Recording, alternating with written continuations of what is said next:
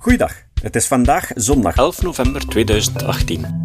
Ik ben Jozef van Giel en dit is de 362ste aflevering van deze podcast. Natuurlijk dromen we allemaal van een betere wereld en willen we dat de armoede en het lijden uit de wereld verdwijnt. We willen daar zelfs geld voor geven, maar de vraag is of onze inspanningen ook effectief doen wat we willen dat ze doen. Onlangs schreef Stijn Broers hier een boek over met als titel Beter worden in goed doen. Wij waren op de boekvoorstelling en mochten zijn voordracht opnemen. Vandaag horen jullie het tweede deel van Beter worden in goed doen. Een ander voorbeeld is pokkenvaccin. Dus uh, we kunnen een gedachte-experimentje doen. Stel, je kunt kiezen tussen twee werelden.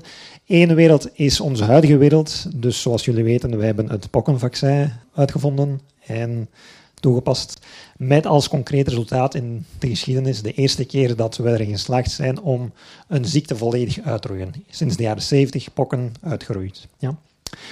Maar zoals we weten in onze wereld is nog wel geweld. Hè. Terrorisme en genocides, oorlog en noem maar op. Dus je kunt een tweede wereld kiezen, een wereldvredewereld, waarin er geen enkel interpersoonlijk geweld meer is. Geen enkele moord en oorlog en zo. Maar in die wereld hè, is er geen pokkenvaccin. En de vraag is, welk van de twee werelden zouden jullie verkiezen? Wie van jullie zegt onze huidige wereld met pokkenvaccin, maar met geweld? Hand omhoog als je... En wie van jullie kiest een wereld met wereldvrede? Dus geen enkele iets meer, denk ik. De meeste mensen kiezen inderdaad de mooiere wereld met um, wereldvrede, maar dus nog wel met die pokken. Hè. En wat doen die pokken? Dat is een vrij dodelijke ziekte geweest.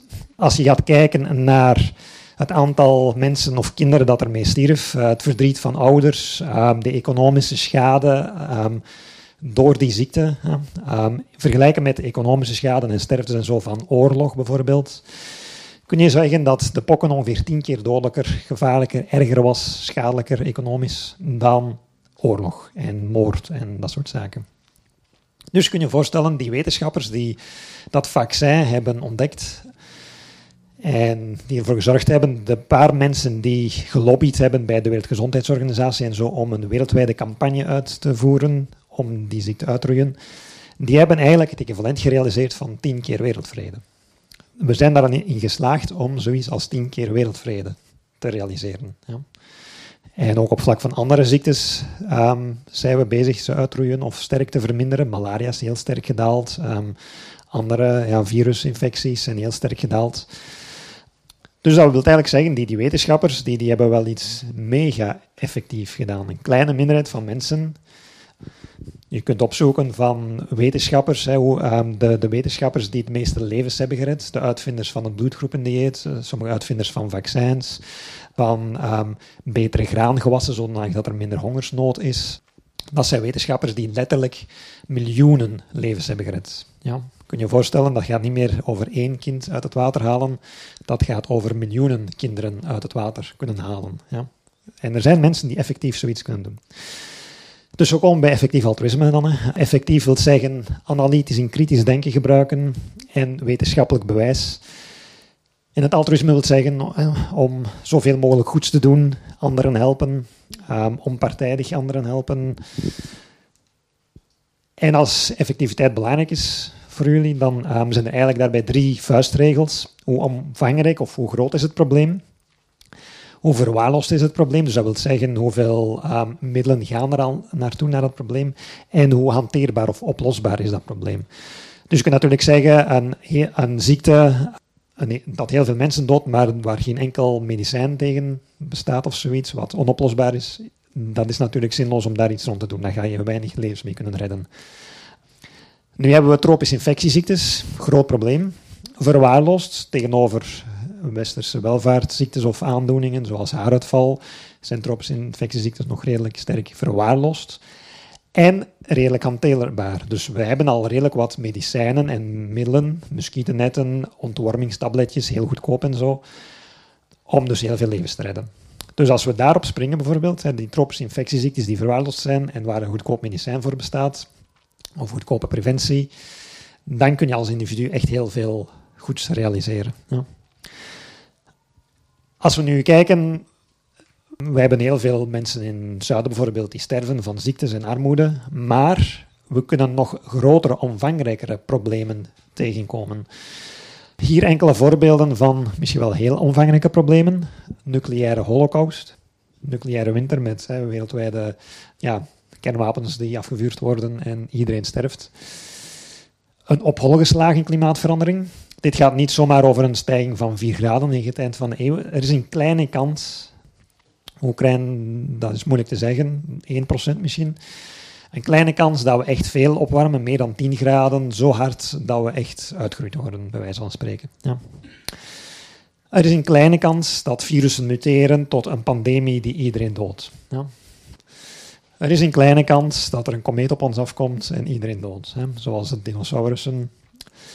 Er is een kleine kans dat ontwikkelingen van nieuwe artificieel intelligente machines, dat die de doelen waar die machines ehm, naar streven, dat die niet overeenkomen met wat wij belangrijk vinden en dat die machines hun ding gaan doen en ons beschouwen zoals mieren en ons gaan vertrappelen, bij wijze van spreken. Een kleine kans dat we er geen controle over hebben, over die artificiële intelligente machines. Maar wat hebben al die voorbeelden gemeen? Als zoiets gebeurt, dan is dat dus een uitroeiscenario. Een extinctie. En dan kunnen we eigenlijk twee werelden vergelijken.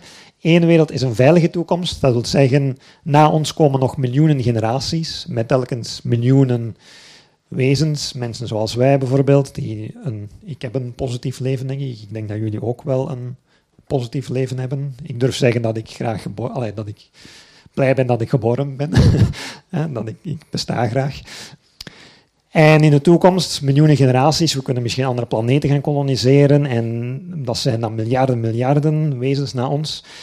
In die toekomst zijn er dus zoveel wezens, mensen en onze verre nakomelingen, wie weet waar we gaan nog naartoe gaan evolueren, meer dan een getal dat je nu in je hoofd hebt. Ja. Quadriljarden, ja. En in de andere wereld hebben dus een uitroeiscenario. Opgeslagen klimaatverandering en iedereen dood. De toekomst is leeg, zwart, licht is uit. Er is niemand, geen enkel ervaring meer. Geen enkele ervaring van blijdschap of verliefdheid meer. Vergeet het. Hè. Dus hier kun je eigenlijk zien dat er wel enorm veel levens op het spel staan. Als we die extreme ramp hè, kunnen vermijden. Ja.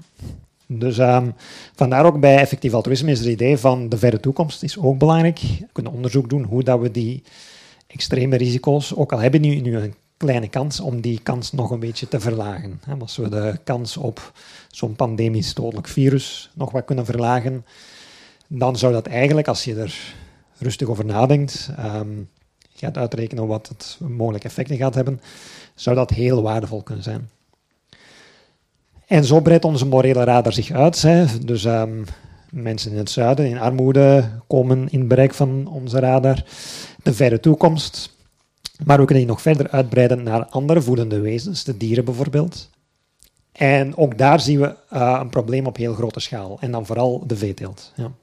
Dit is een uh, foto van een pluimveebedrijf met dus tienduizenden kippen. Ja. En die leefomstandigheden van die kippen, um, dat zijn omstandigheden dat je je hond of je kat of zo nooit zou toewensen. Als ik, wat, ik ga niet in details treden, maar als we die beelden zien en weten hoe, hoe sterk dat die dieren groeien en misvormingen en ziektes en al, en dan dat vroegtijdig slachten en die agressie tegenover elkaar, die frustraties en stress en angst en zo, bij elkaar opgeteld, zou het best kunnen dat die dieren meer negatieve ervaringen dan positieve ervaringen hebben. En we zouden een experiment kunnen doen. Stel, je gaat vannacht dromen dat, je een willekeurige ervaring hebt van een willekeurig dier in de veeteelt. Ja? Zou je dan spreken van een nachtmerrie? Zou je liever niet dromen? Hè? Ik denk dat de meeste mensen, als je goed geïnformeerd zou zijn, liever vannacht geen droom hebben dan dromen dat je bijvoorbeeld een willekeurige kip bent in zo'n stal.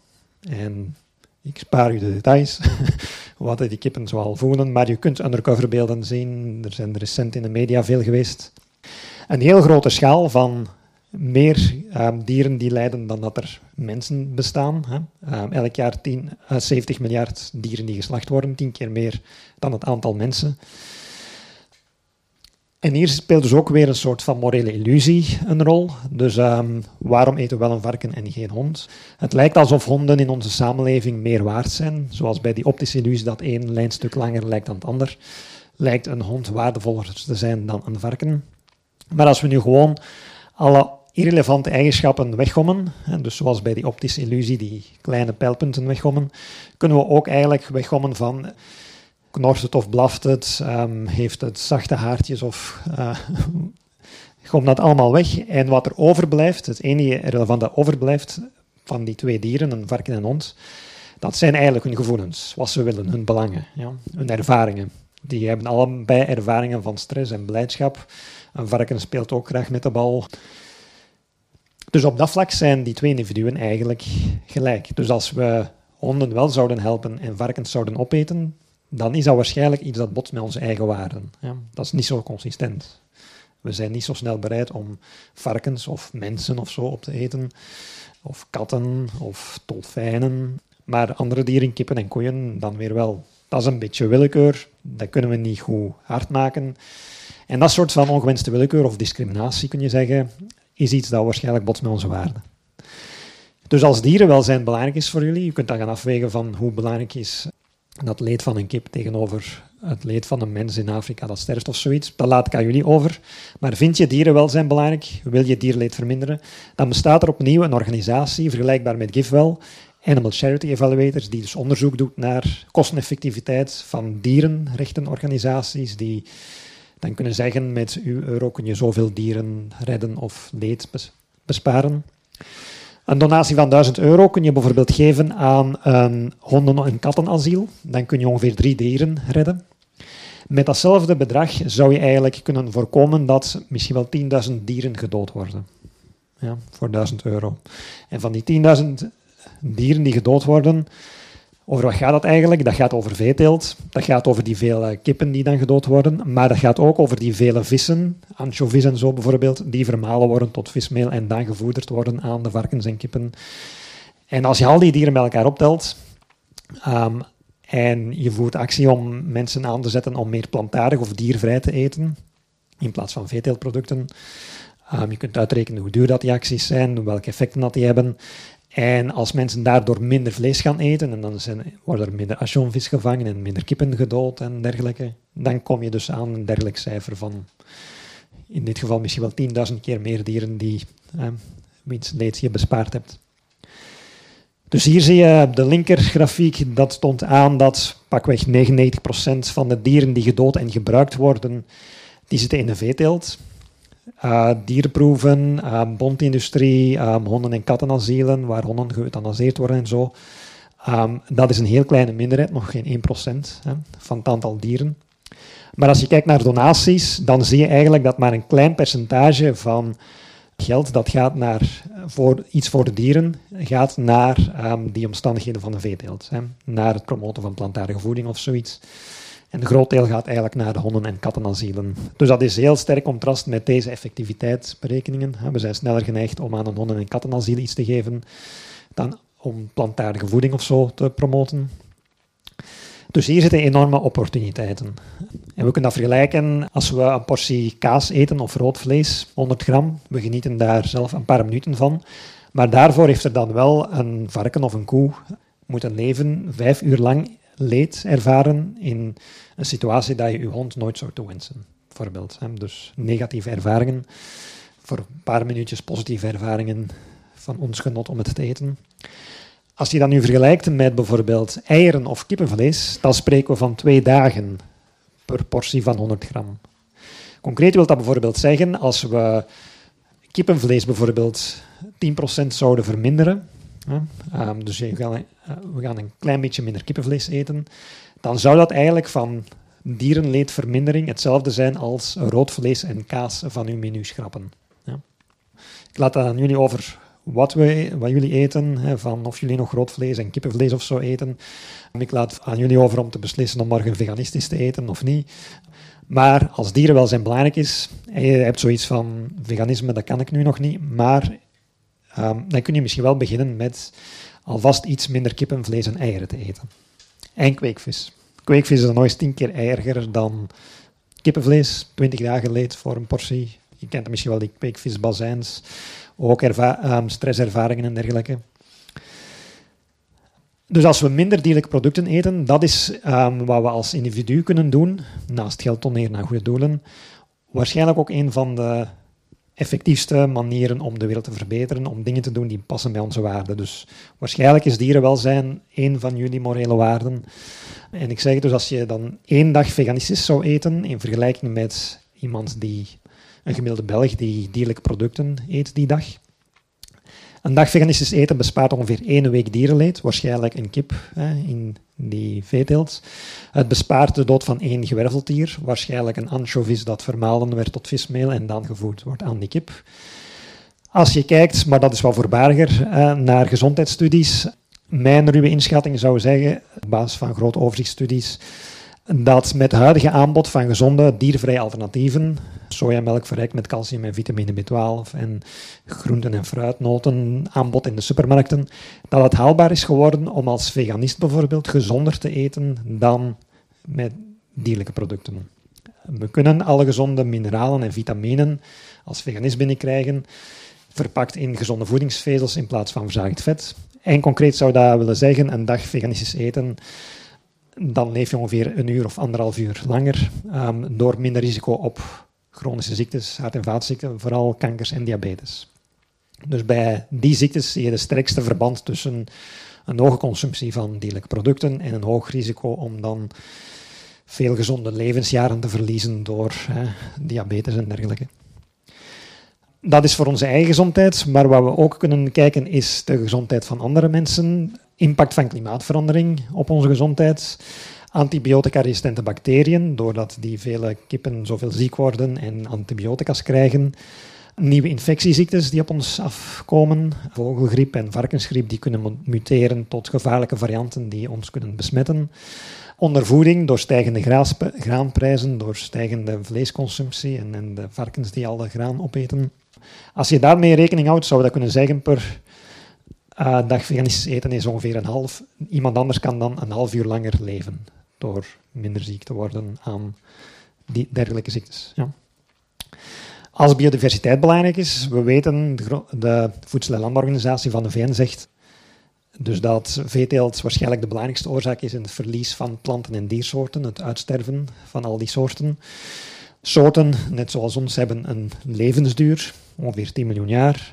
Wij zijn die levensduur massaal aan het verkorten door onze hoge ecologische impact. Vooral door die veeteelt. Concreet zou dat een hele ruwe schatting opnieuw kunnen zeggen dat als we een dag veganistisch eten, dan gaat er een, een, diersoort, een vogelsoort bijvoorbeeld, ongeveer 10 uur langer leven. Dus dat is het verschil eigenlijk als je kiest om die dag dierlijke producten te eten en een hoge milieu-impact te hebben, dan ga je de levensduur van een vogelsoort bijvoorbeeld met 10 uur verkorten. Ja.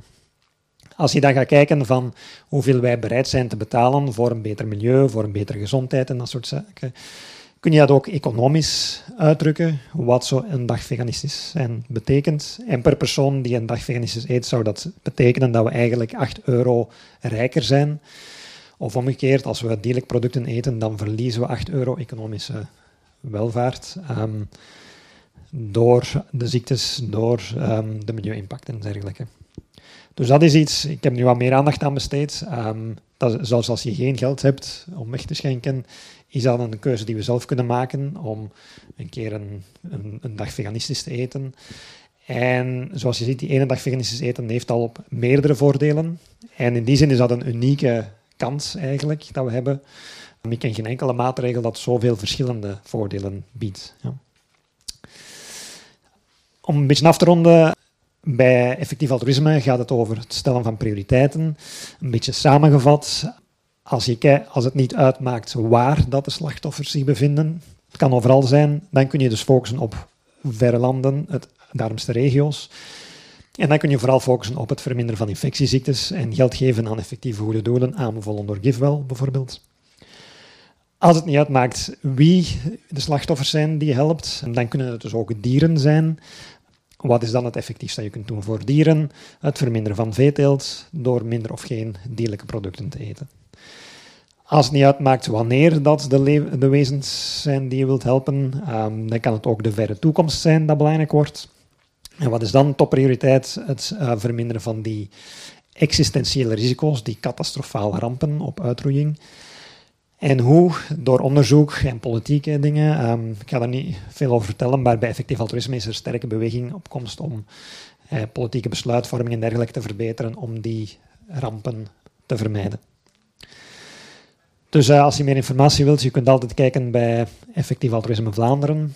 Uh, er is nu een VZW opgericht, Effectief Altruïsme België.